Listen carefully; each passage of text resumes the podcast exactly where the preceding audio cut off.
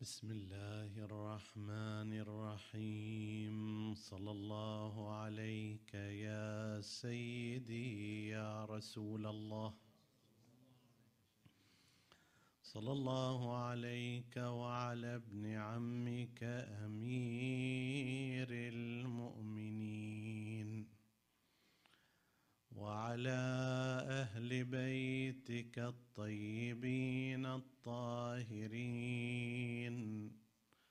صلى الله عليك يا سيدي ويا مولاي. يا أبا عبد الله الحسين. وعلى أختك الحوراء عقيلة الطالبين. ما خاب من تمسك بكم وأمن من لجأ إليكم. يا ليتنا كنا معكم. فنفوز فوزا عظيما. فتكة الدهر بالحسين إلى الحشر. علينا شرارها يتوالى.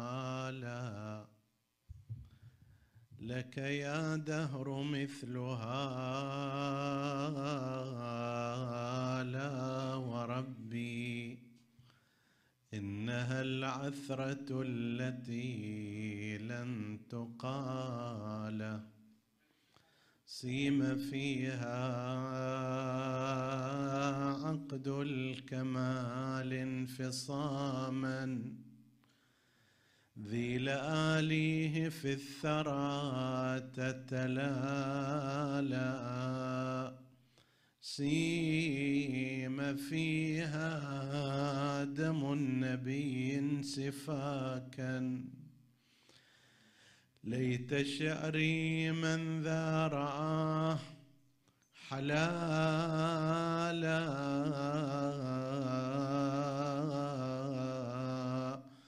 نفر من بنيه أكرم من على الأرض رفعه وأعلى منالا يا يا ما اكتفت بالنفوس بذلا إلى أن أتبعتها النساء والأطفال يا يا يا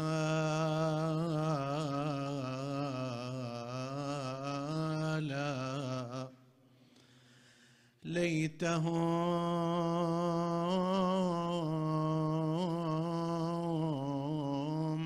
بعدما الوغى طحنتهم أرسلوا نظرة وقاموا عجالا ليروا بعدهم كرائم وحي. زلزل الدهر عزها زلزال يا يا يا يا لا أصبح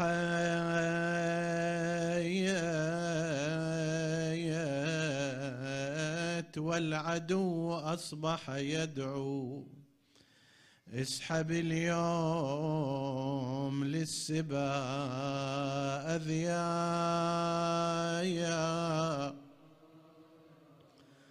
يا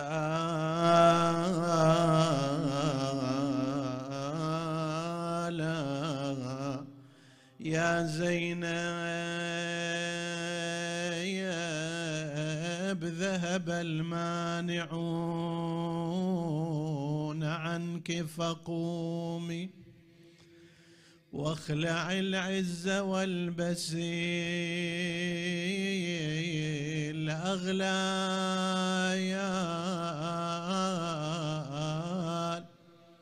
صوتي باسم من أريت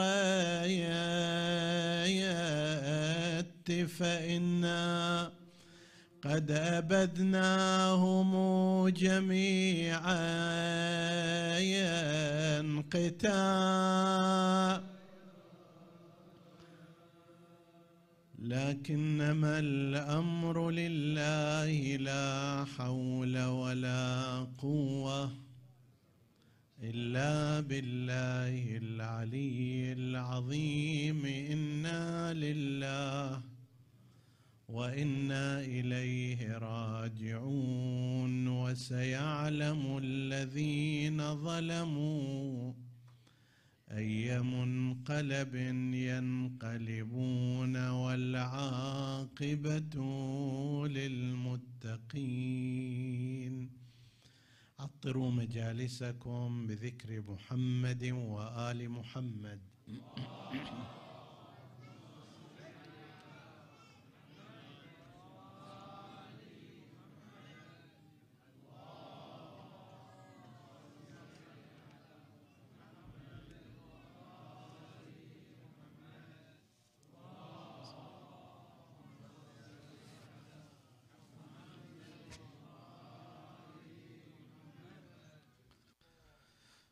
نعزي رسول الله صلى الله عليه وآله والعترة الهادية ثم مراجع الدين وعامة المؤمنين بذكرى وفاة عقيلة الطالبيين زينب بنت أمير المؤمنين صلوات الله وسلامه عليه وعليها ونسأل الله سبحانه وتعالى أن يزيدنا بها وبذريتها وأهلها معرفة وأن يرزقنا شفاعتهم إنه على كل شيء قدير.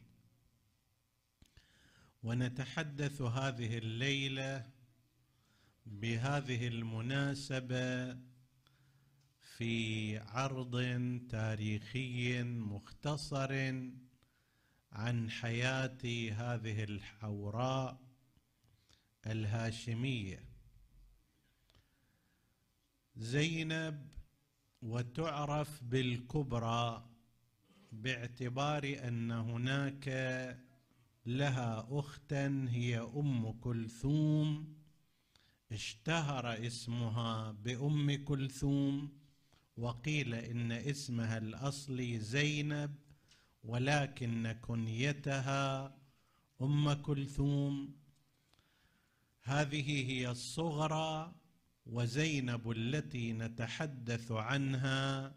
هي زينب الكبرى وهي زوجة عبد الله عبد الله بن جعفر الطيار. وعندما يتم الحديث عن زينب بنحو مطلق فهي المقصوده دون غيرها.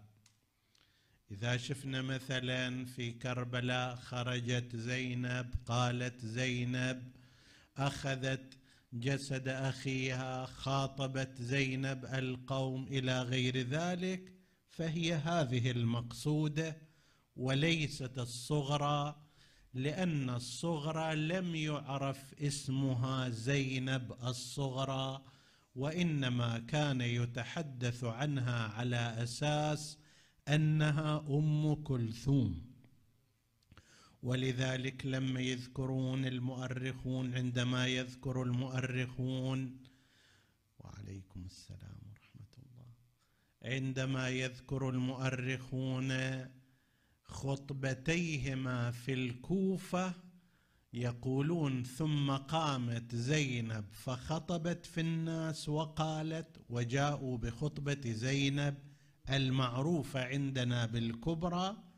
ثم يقولون ثم قامت أم كلثوم وخطبت خطبة أخرى.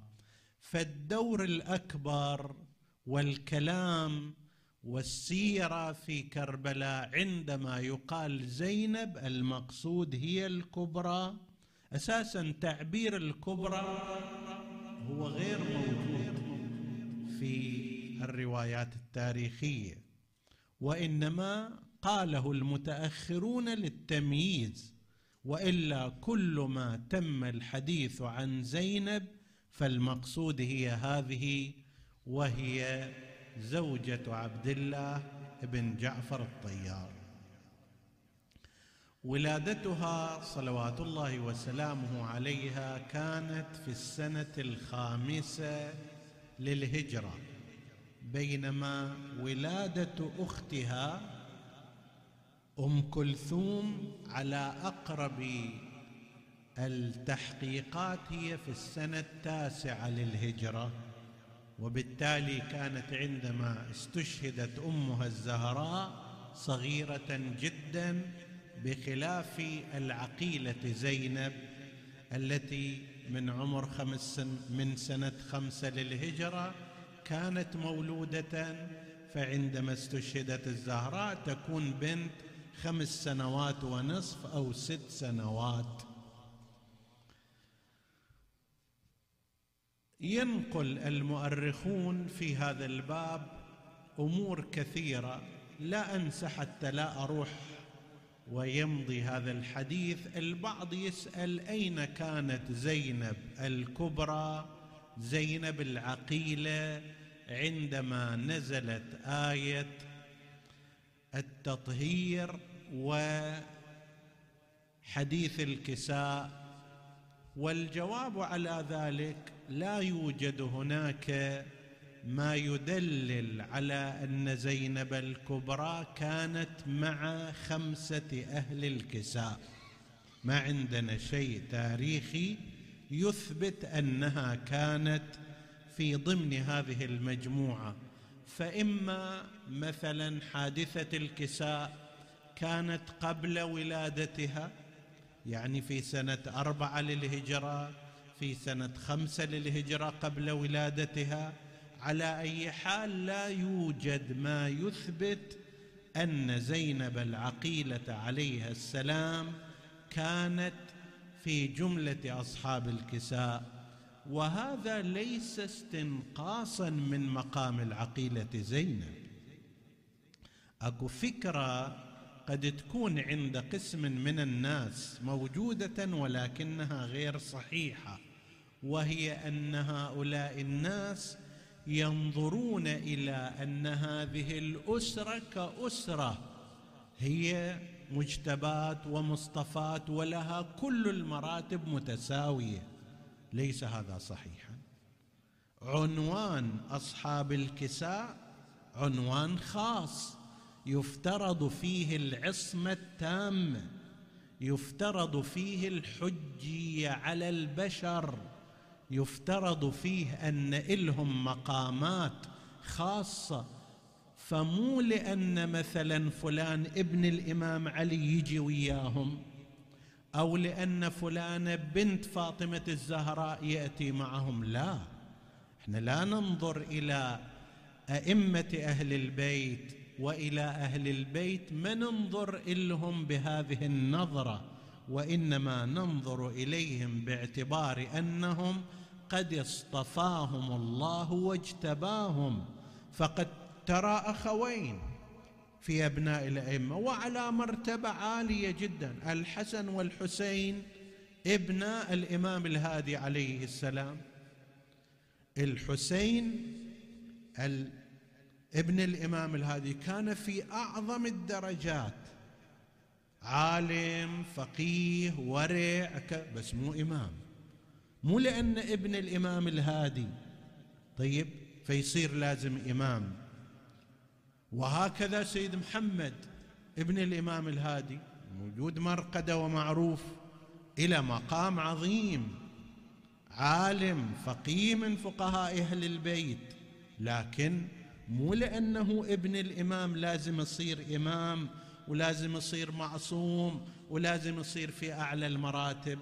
وقد أشار إلى ذلك بعض أهل البيت الذين كانوا في أعلى المراتب. علي ابن الإمام جعفر الصادق. علي ابن الإمام جعفر الصادق شقيق واخ موسى الكاظم عليهما السلام.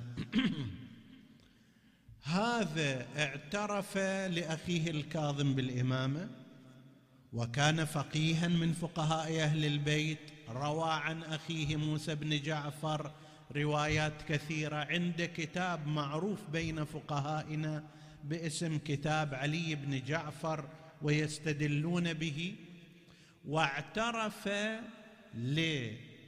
لابن أخيه علي بن موسى الرضا بالإمامة واعترف لابن ابن أخيه الإمام الجواد أيضا بالإمامة. ذاك الوقت علي بن جعفر عمره حدود ستين سنة والإمام الجواد عمره ثمان سنوات تسع سنوات.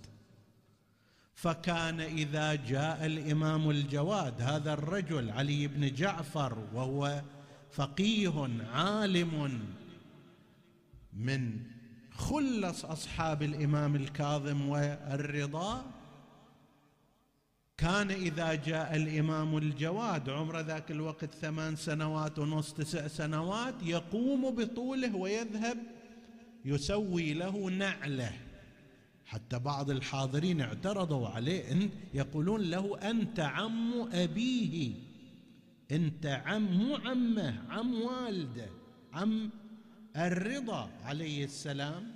ومع ذلك تسوي لها الشكل وانت في العلم كذا وانت في المنزله الإيمانية كذا. قال ما أصنع إذا كان الله قد رآه أهلا للإمامة ولم ير هذه الشيبة أهلا للإمامة بل أنا له عبد. هذا اختيار إلهي منصب رباني. مو لأنه أنا ابن الإمام الصادق مو لأنه أنا أخي الإمام الكاظم فلازم اذا أحوز كل المراتب. كذلك بالنسبة إلى هذا المقام. كان هناك في تقديرنا وفي تحقيقنا للزهراء عليها عليها السلام أخوات من خديجة. ولكن أي واحدة لا تصل إلى قلامه ظفر بالنسبة إلها. مو لأن هذولاك كانوا بنات النبي ومن خديجة.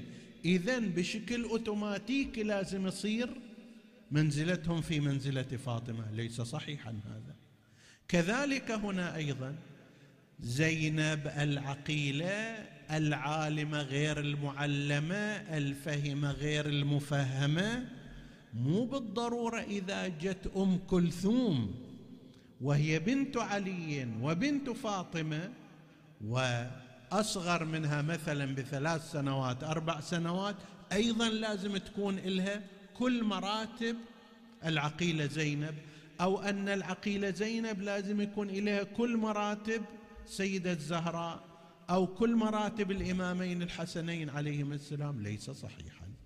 لا المنزلة العالية لكن هاي قضية أهل الكساء الله سبحانه وتعالى يريد أن يجعلهم حجة على خلقه إلى قيام الساعة ويكونون معصومين من كل خطأ أو ذنب أو غير ذلك و يحتج بهم الناس ويأتمون بهم. هذه المنزلة مو بالضرورة تكون لمن لزينب عليها السلام وإن كانت هي في منازل عالية جدا. فلما يسأل واحد وين كانت في عندما نزلت آية التطهير مو معنى ذلك أنها لم تطهر لا هي طاهرة. مو معنى ذلك غير عالمة هي عالمة ولكن لا بنفس المرتبة التي ينبغي أن يكون عليها أصحاب الكساء. وأهل الكساء. نفس أهل الكساء هم متفاوتون في المنزلة. وين النبي؟ وين الإمام؟ الحسن عليه السلام. وين فاطمة الزهراء صلوات الله عليهم. فولدت الصديقة الحوراء العقيلة زينب الكبرى سلام الله عليها في السنة الخامسة على ما هو المعروف بين المؤرخين وأحاطها الإمام أمير المؤمنين بل رسول الله صلى الله عليه وآله وامها الزهراء عليه السلام بما ينبغي أن تحاط به. فمن أيامها الأولى ذكرت كل هذا البيت بما سيجري من المصائب والرزايا على أبي عبد الله الحسين وستكون هي سلام الله عليها شريكة ومشاطرة له في نهضته في تحمل الأذى والألم وستصبح شهيدة أحزان كربلاء. وين كان أكو كلام عند بعضهم يعني يحتمله أنه ربما يكون أنه قد دس إليها السم لكن هذا إلى الآن غير ثابت. ولكن هي لا تحتاج إلى دس السم إليها فإن المصائب التي تحملتها تقضي على الجبل فكيف لا تقضي على امرأة مثلها شاهدت وعاينت؟ صلوات الله وسلامه عليها. فعاشت ينقلون عنها أمورا تشير إلى ذكاء مبكر وغير طبيعي.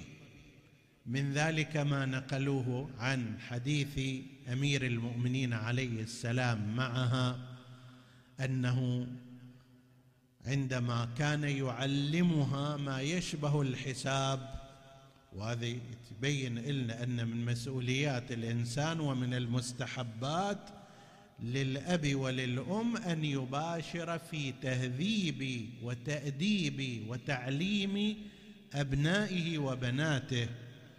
فكان يقول لها قولي واحد كما نقل ذلك الشيخ النقدي في كتابه زينب الكبرى وهو مشهور في مصادر أخرى. فقالت له واحد فقال لها قولي اثنان. فقالت إن اللسان الذي جرى على الواحد لا يجري على اثنين. طبعا هذا معنى من المعاني العالية جدا. معنى ذلك أن الذي يتوجه إلى الله الواحد الأحد لا يرغب في غيره ولا إلى نظيره ولا إلى مثيله. ما دام تعلقي بالواحد فلا أنظر إلى ما بعده لا من جهة العدد ولا من جهة العدد. طيب وهذا المعنى من المعاني. لذا كانت في ذلك السن مثلا في السنوات الأولى من عمرها تشير إلى شيء كبير من المعرفة والمعنى. وأوضح من هذا نقلها صلوات الله وسلامه عليها لخطبة أمها فاطمة الزهراء عليها السلام التي ألقتها في مسجد رسول الله صلى الله عليه وآله. فإن أحد أسانيد خطبة الزهراء عليها السلام ينتهي إلى ابن عباس عبد الله بن عباس وهو يقول حدثتنا عقيلتنا عقيلة الطالبيين زينب فقالت وبدأ يسرد تلك الخطبة. ذاك الوقت يفترض أن عمر زينب عليه السلام لا يتخطى ست سنوات على أكثر التقادير. إذا ولدت في السنة الخامسة والزهراء عليه السلام استشهدت في السنة الحادية عشر يعني ست سنوات تزيد تقل ولا تزيد. زين واحدة عمرها خمس, سنة خمس سنوات ست سنوات تنقل خطبة بدقة كافية وفيها من معاني البلاغة العجب العجاب وفيها من المعاني الكبيره ما يتحير فيه الإنسان من عقائد التوحيد ومن قضايا الرسل ومن فلسفة تشريعات الإسلام ومن مؤامرات الخط القرشي على أهل البيت عليهم السلام ومن الاحتجاجات الفقهية ومن الاستدلالات القرآنية ومن ومن هذه تنقلها فتاة عمرها خمس أو ست سنوات وهي في ذلك الوقت مو في وضع عادي يعني قاعدة في مكان درس إلى آخره وإنما تم الهجوم على دارهم وأرعبوا وأزعجوا وشهدت مشاهد بالنسبة إلى فتاة ترى أمها يحصل لها ما يحصل وبيتها يحصل له ما يحصل أي تعيش أوضاع نفسية غير طبيعية. مو قاعدة مثلا ماخذة إليها الكتاب وتتحفظ سطر وسطر وإنما القضية كانت مباشرة فذهبت في لمة من حفدتها ونسائها ومن هؤلاء الحفدة حفده هنا مو بمعنى الأحفاد خلافا لما يتصور البعض. حفدة الشخص يعني من يحيطون به. فتحفظ هذه ثم تنقلها من بعد ذلك إلى ابن عباس وتكون أحد الأسانيد وأيضا من بني الحسن من بني الحسن وأحفاد الحسن نقلوها عن زينب العقيلة عليها السلام. هذه من الإشارات إلى نبوغ مبكر وإلى ذكاء استثنائي. طبعا عاشت في ظل والديها إلى السنة العاشرة السنة الحادية عشر استشهدت أمها الزهراء صلوات الله وسلامه عليها فعاشت بعد ذلك مع أبيها ومع بعض زوجاته كأسماء بنت عميس. أسماء بنت أسماء بنت عميس زوجة جعفر الطيار ووالدة زوجها المستقبلي وهو عبد الله بن جعفر تزوجها أمير المؤمنين عليه السلام بعدما مات أبو بكر عنها. أول شيء تزوجها جعفر استشهد عنها في مؤتة. تزوجها الخليفة أبو بكر وأنجب منها محمد بن أبي بكر الذي أصبح من خلص أصحاب أمير المؤمنين لتربيته على يد أمه أسماء وهي موالية للإمام وفي بيت الإمام عليه السلام فهذه كانت أسماء بنت عميس وأيضا مع أمامة بنت أختها زينب عليها السلام التي تزوجها أمير المؤمنين بوصية السيدة فاطمة الزهراء عليها السلام فعاشت في هذا البيت وإلى أن بلغت حدود السادسة عشر من العمر. عندها زوجها أمير المؤمنين عليه السلام لابن أخيه عبد الله بن جعفر. عبد الله بن جعفر الطيار أسن من الإمام الحسين والحسن عليه السلام عليهما السلام ربما بسنة أو سنتين وبالتالي أيضا أسن من السيدة زينب عليه السلام بحدود ثلاث إلى أربع سنوات تقريبا زوجها أمير المؤمنين عليه السلام لابن أخيه وابن زوجته لاحقا أسماء بنت عميس وقال بنونا ل أو بناتنا لبنينا وهذا لعله إشارة إلى أن هذه الأسرة بما فيها من أخلاقيات خاصة وطبيعة حياة والتزام إنما يناسبها من يعيش في نفس هذه البيئة. من الأخطاء اللي أحيانا ترتكب في الزواج وتسبب يعني نفرة ومشاكل هي اختلاف البيئات. واحد عنده بنته لنفترض متدينة جدا محافظة اخلاقها أخلاق عالية جدا ومتدينة طوخ حسب التعبير. يجي شخص من خارج هذه البيئة عنده انفتاح حسب التعبير حالة الحرية عنده حتى إذا كان يصلي بس مفتوح للغاية. يقول لك لا هذا دكتور وهذا ما أدري مهندس وهذا عنده أموال وهذا وذاك يصلي يصلي ويصوم الحمد لله رب العالمين. لا أنت هنا أيها الأب تخلق اسبابا للإفتراق. هذان من بيئتين مختلفتين. هذا يعتبر هل الالتزام الديني تحجر؟ يعتبر هل الالتزام الديني ضيق؟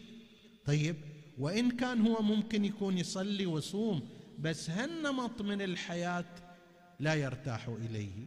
لا يريد أن يكون في بيته. فأنت لا تورط بنتك مع هالنموذج. وهكذا بالعكس أيضا خذ من قماشتك. وأعط لقماشتك.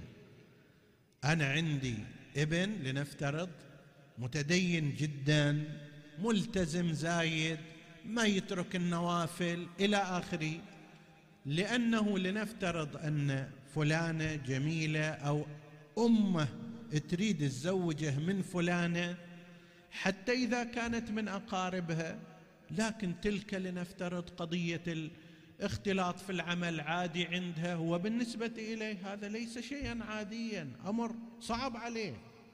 ما أريد أقول أن هذا صحيح لو مو صحيح أو ذاك غلط. لا أريد أن أقول عندما تريد أن تتزوج أو أن تزوج كما تختار الشخص اختر البيئة التي يعيش فيها ذلك الشخص. لأنه ما يمكن في الغالب أن ينفصل عن بيئته. ربعه هكذا. بيئته هكذا تاريخه هكذا اسرته هكذا. تجي تغيرهم كلهم؟ لا كلكم صيروا منفتحين حتى تنسجموا ويانا أو كلكم صيروا متدينين زايد حتى تنسجموا ويانا. لعل كلمة أمير المؤمنين المنقولة عنه أن بناتنا لبنينا ناظرة إلى مثل هذا الأمر. ولذلك رد أمير المؤمنين ورد الأئمة عليهم السلام بعض الأشخاص اللي من اشبه بوزراء الدولة الأموية ولاة.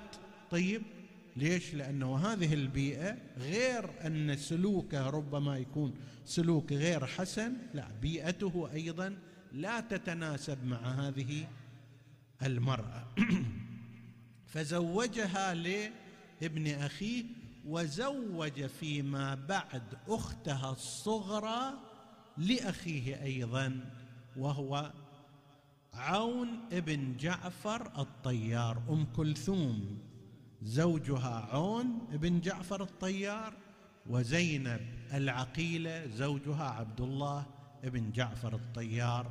عاشت مع زوجها عبد الله عبد الله كان مرتبطا بأمير المؤمنين عليه السلام ارتباطا وثيقا وكان أشبه بيده اليمنى بالإضافة إلى الإمامين الحسنين عليهما السلام ولذلك كان يندبه في مهمات لا سيما عندما آلت الخلافة إليه.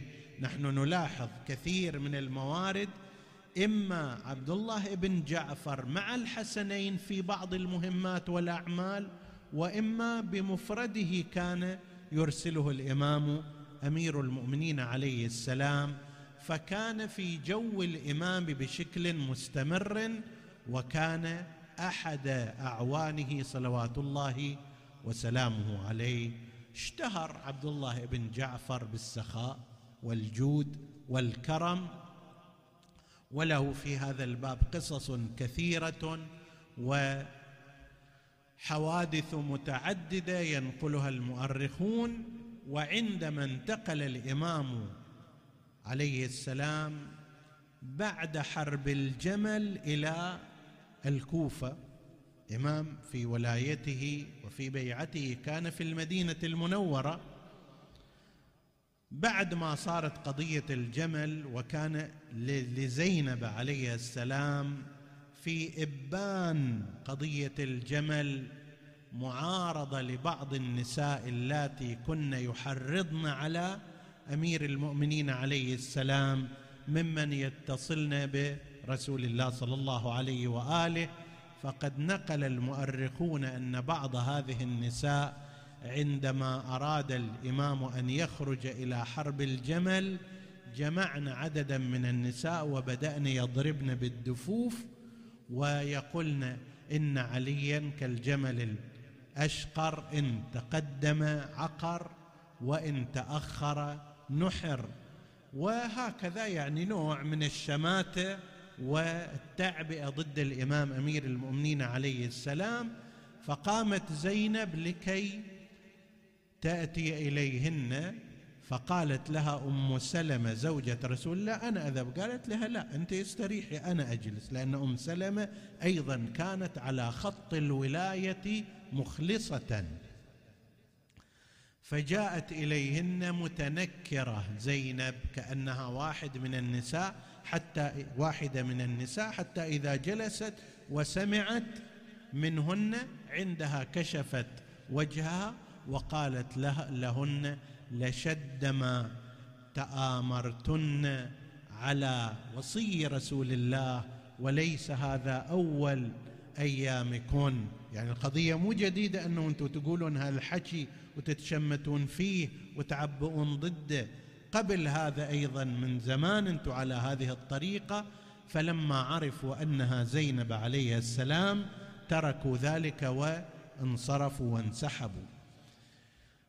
خرج عبد الله بن جعفر بعد أن نزل أمير المؤمنين عليه السلام إلى الكوفة وأتى برحله ونسائه لأن عبد الله أيضا تزوج امرأة أخرى غير السيدة زينب عليه السلام والسيده زينب كأي امرأة أخرى مؤمنة تقبلت هذا بشكل طبيعي وهذا مما يؤكد كذب ما قاله.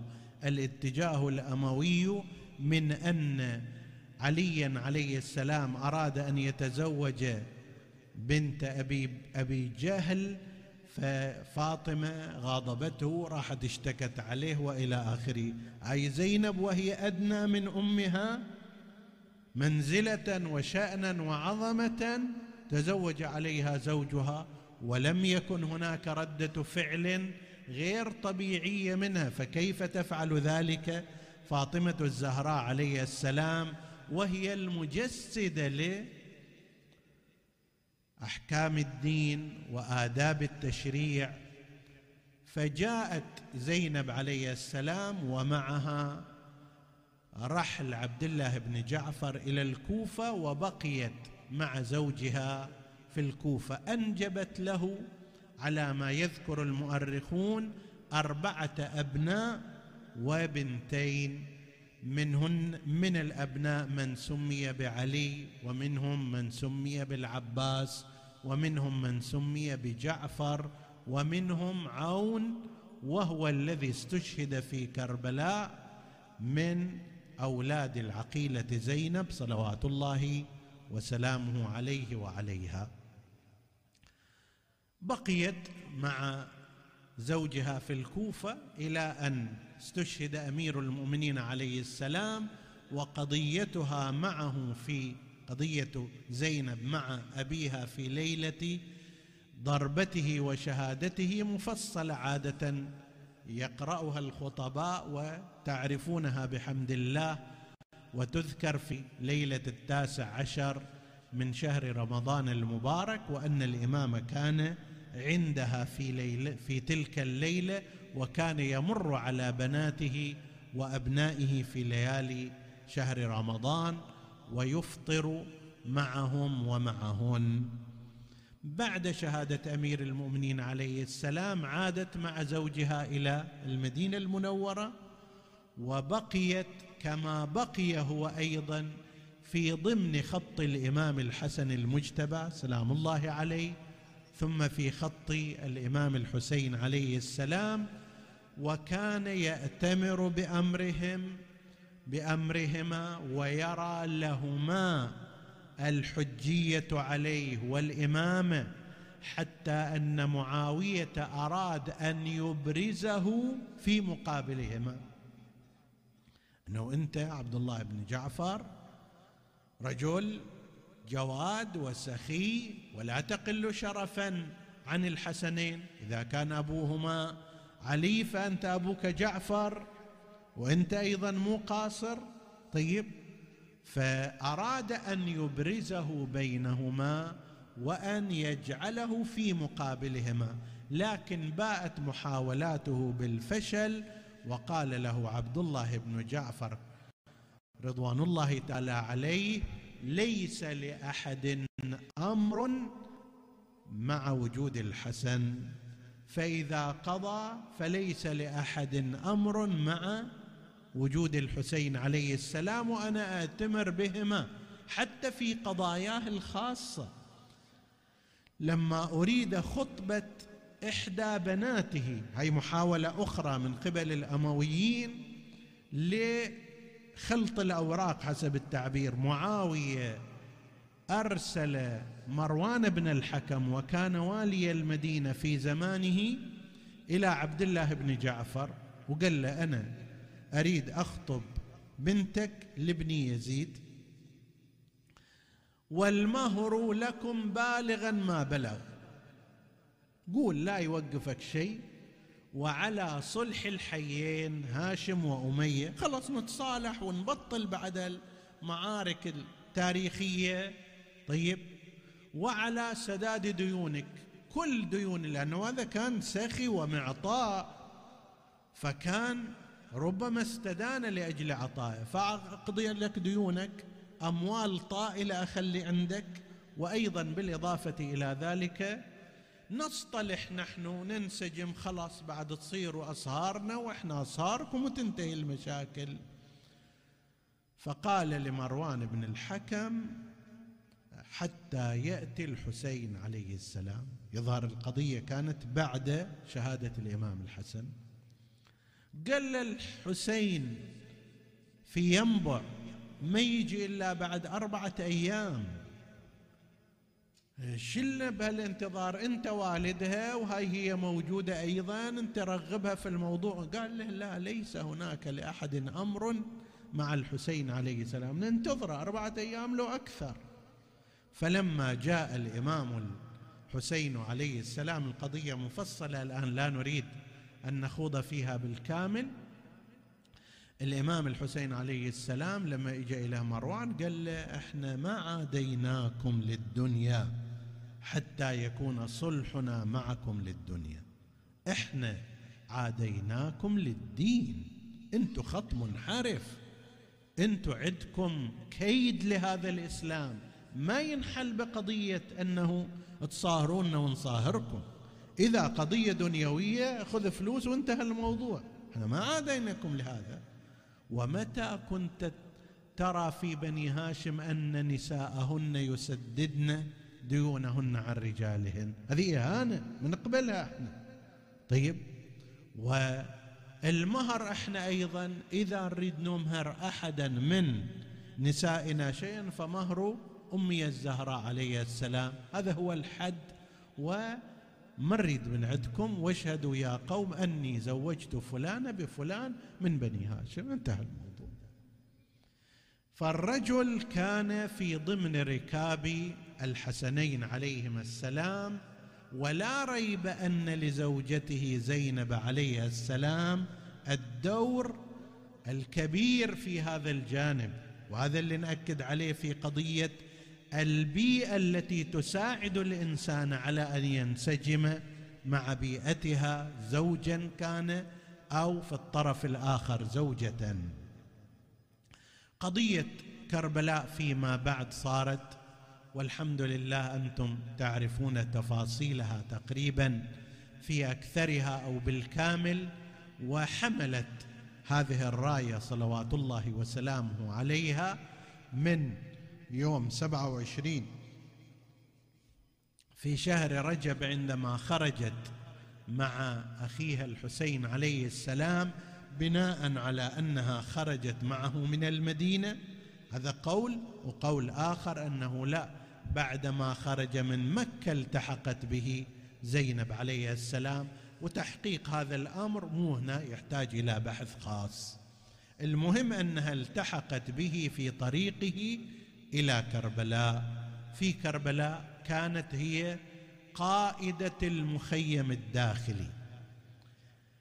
الشخص اللي يدبر أمور المخيم الداخلي حيث كان يحتوي على النساء والأطفال وما يرتبط بشؤون المخيم الداخلية كلها زينب إحنا نلاحظ هذا من أمور مختلفة. عندما الرباب يعطش ابنها عبد الله الرضيع. هو علاقة الزوجه بزوجها هي أقوى العلاقات وهذا ابن الحسين. لكن هذه تذهب بالرضيع إلى زينب العقيله عليها السلام وتخبرها بأنه قد جف اللبن في ثدي أمه وأنه عطشان واطلبوا له الماء. فزينب عندئذ تأتي به إلى الإمام عليه السلام.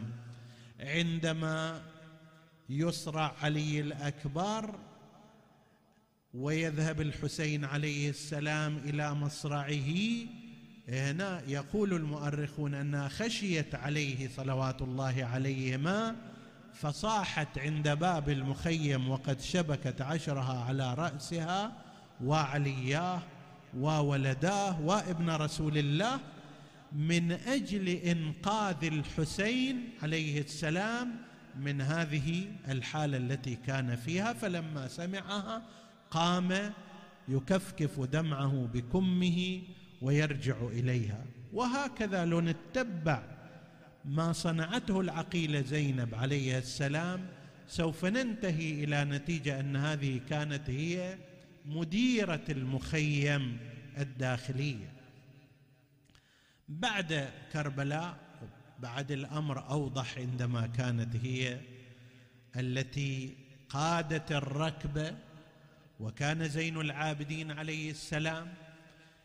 بعض الروايات تشير إلى أن علم الحسين عليه السلام كان يخرج إلى زينب سلام الله عليها حفاظا على الإمام زين العابدين. في حديث ترويه حكيمه بنت الإمام الجواد عليه السلام وعليه السلام يستفاد منه أن زينب العقيله عليه السلام كانت في بعض الوقت تتحمل العلوم الخاصة من الأئمة لكي توصلها إلى شيعة أهل البيت. عليهم السلام. هذا كان في ظرف محدد سترا على زين العابدين حتى لا يقتل. وهذه مرتبة ليست مرتبة عادية تحتاج إلى حديث خاص بها. وما بعد ذلك خطبها. البعض يتساءل يقول كيف نعرف أن هذه زينب اللي تسمى الصغرى أو زينب الكبرى ما يحتاج شيء. اقرأ خطبتيهما في الكوفة. في كتابنا أنا الحسين بن علي مقارنة بسيطة بين خطبة العقيلة زينب عليه السلام وخطبة أم كلثوم التي قد يقال لها زينب الصغرى. فرق ما بين السماء والأرض. في المعاني في السبك في اللغة في الاستهداف. بشكل كبير الفرق بينهما. أين هذه وأين تلك تلك لها منزلة ولكن لكل شخص مقامه وشأنه. فخطبت سلام الله عليها في مجلس ابن زياد خطبت أمام الكوفيين خطبت في مجلس يزيد. وفي كل موضع كان بإمكانها أن تشير إلى قضية كربلاء والحسين فعلت ذلك إلى أن رجعت إلى كربلاء ثم رجعت إلى مدينة رسول الله صلى الله عليه وآله لعلها وصلت في الثالث من شهر ربيع الأول في سنة إحدى وستين للهجرة. ولما وصلت إلى المدينة لم تتوقف وإنما مارست نفس الدور وكان لها مجلس يومي يجتمع إليها الناس وتذكر الناس بقضية الحسين عليه السلام حتى وصل الأمر إلى أن عمرو بن سعيد الأشدق بن العاص الأموي وهو والي المدينة في ذلك الوقت لأن هذول بنو أمية كانوا يلعبون بولاتهم. أحيانا بعض الولاه سنة واحدة يعزله. يجيب واحد ثاني يضوقه الشكل ثم يعزله. وعلى هالمعدل لأغراض وأسباب مختلفة. لذلك ربما خلال خمس سنوات سبعة أو ثمانية من بني من ولاة الأمويين تم تغييرهم وتبديلهم في المدينة المنورة. هالفترة هذه صار عمرو بن سعيد الأشدق وهو شرس وفاتك هو اللي أوكل إليه مهمة قتل الحسين واغتياله ولو كان متعلقا بأستار الكعبة. لأن من كان قبله الوليد ابن عتبة ابن أبي سفيان مع أنه أموي ما كان يطلع منه هذا الكلام. ولكن هذا الرجل كان شرسا وفاتكا ولا يرقب في أحد إلا ولا ذمه وكم لزينب عليها السلام من أخذ ورد معه وهو على المنبر. وكان لها اجتماعات وجلسات إلى أن كتب إلى يزيد بالقول إن زينب بنت علي بن أبي طالب امرأة عاقلة لبيبه لبيبة متكلمة وهي تهيج الناس وتثيرهم على بني أمية. فإذا تريد لازم تطلعها من المدينة المنورة. فجاء الخبر بأنه بالفعل طلعوها من المدينة المنورة وصدر الأمر قاومت زينب عليه السلام في أول الأمر رفضت الخروج. ولكن عندما أحاط بها بنو هاشم من النساء ومن غيرهم من غيرهن واقتنعت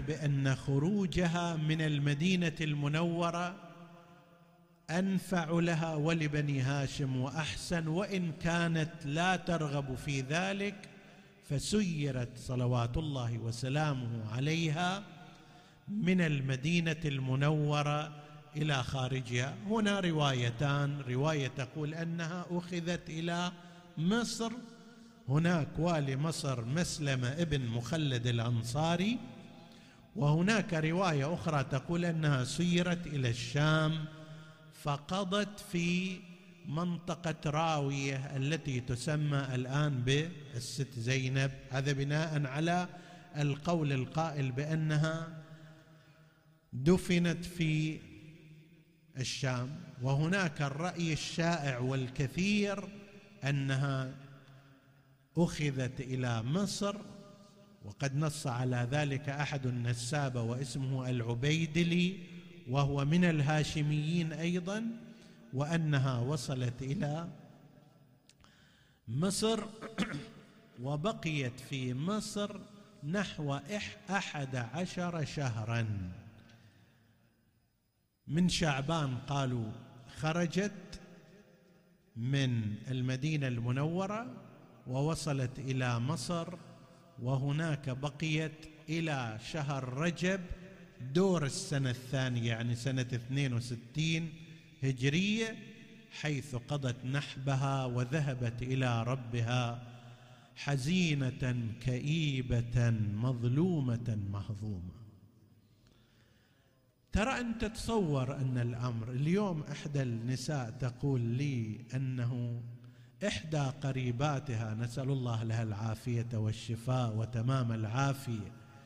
تقول عندها عملية جراحية في صدرها فلما زالت شوية البنج عنها شعرت كأن شيئا من الجحيم في صدرها فبدأت تبكي وتبكي وتبكي.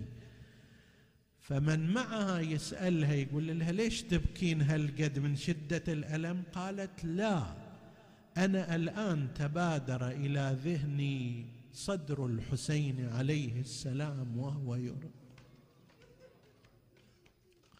وهو يرد بحوافر الخيل أنا الآن مبنجة ومشرط جراح هكذا مع ذلك أشعر كأن أمواج من الألم العظيم في صدري. هاي شنو قلب زينب اللي رأت أخاها الحسين؟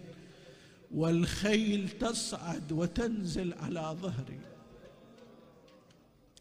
أنت تسمع هذا الكلام ومع ذلك تبكي وتتألم.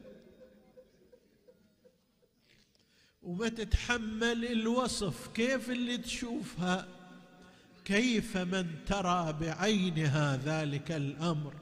ويظل هذا الذكرى يظل هذا الشريط يظل هذه الآلام والمشاهد تمر على زينب عليها السلام. يمر الليل يمر الليل وقضي الليل يا ابن أمي على ذكراك. ويطر الفجر وعيوني تراوى لها ملقاك. شنو البصر يا ابن أمي؟ أبا عبد الله ماذا أصنع مع قلبي الحنون شنو البصر يا ابن أمي؟ لا ترجع ولا أنساك. وضايل بس سلوة دموعي وبس اصفق الراح براح خويا أبو علي كان تريدني أنسى. وبطل النوح ونيني أخذ ذكراك من قلبي وأخذ صورتك من عيني أيام الجنت وياك. اناغيك وتناغيني شسوي عايشة بعدك؟ عندي من ذيك الأيام أشباح. بقيت بأبي وأمي تتذكر أيامها مع أخيها ومصائبها ومصائب إلى أن ضعف بدنها وهزل جسمها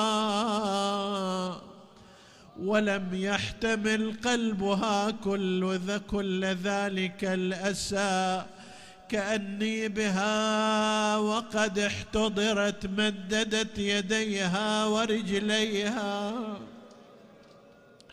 غمضت عينيها أسبلت يديها فاضت روحها الطاهرة.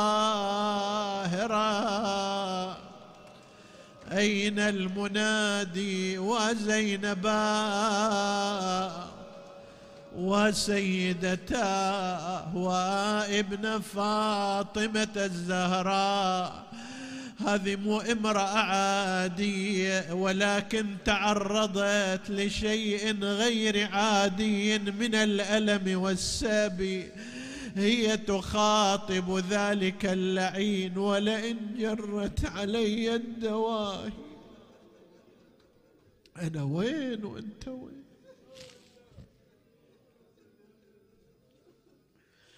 ولئن جرت علي الدواهي مخاطبتك إني لأستصغر قدرك وأستعظم تقريعك وأستكثر توبيخك لكن العيون عبرا. إن الذي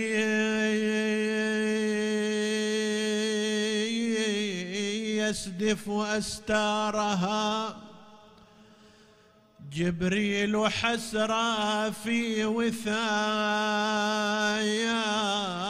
السبا تود لو أن الدجى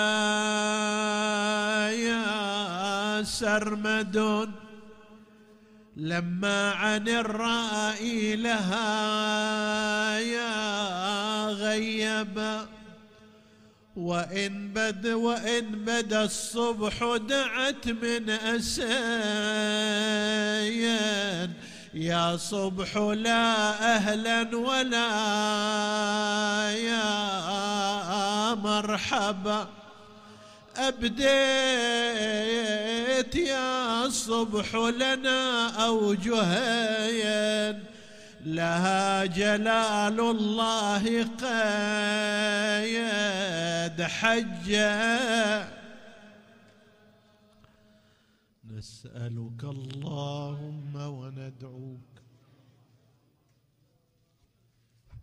باسمك العظيم الأعظم الأعز الأجل الأكرم. يا الله.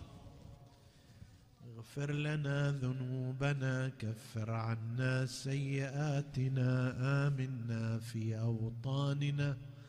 لا تسلط علينا من لا يخافك ولا يرحمنا. ولا تفرق بيننا وبين محمد وآله طرفة فض اللهم إخواني السامعين فردا فردا واقض حوائجهم. اشف اللهم مرضاهم لا سيما المرضى المنظورين. ومن أوصانا بالدعاء. وتقبل اللهم عمل المؤسسين بأحسن القبول. إلى أرواح موتاهم. وموت السامعين نهدي ثواب الفاتحة تسبقها الصلوات.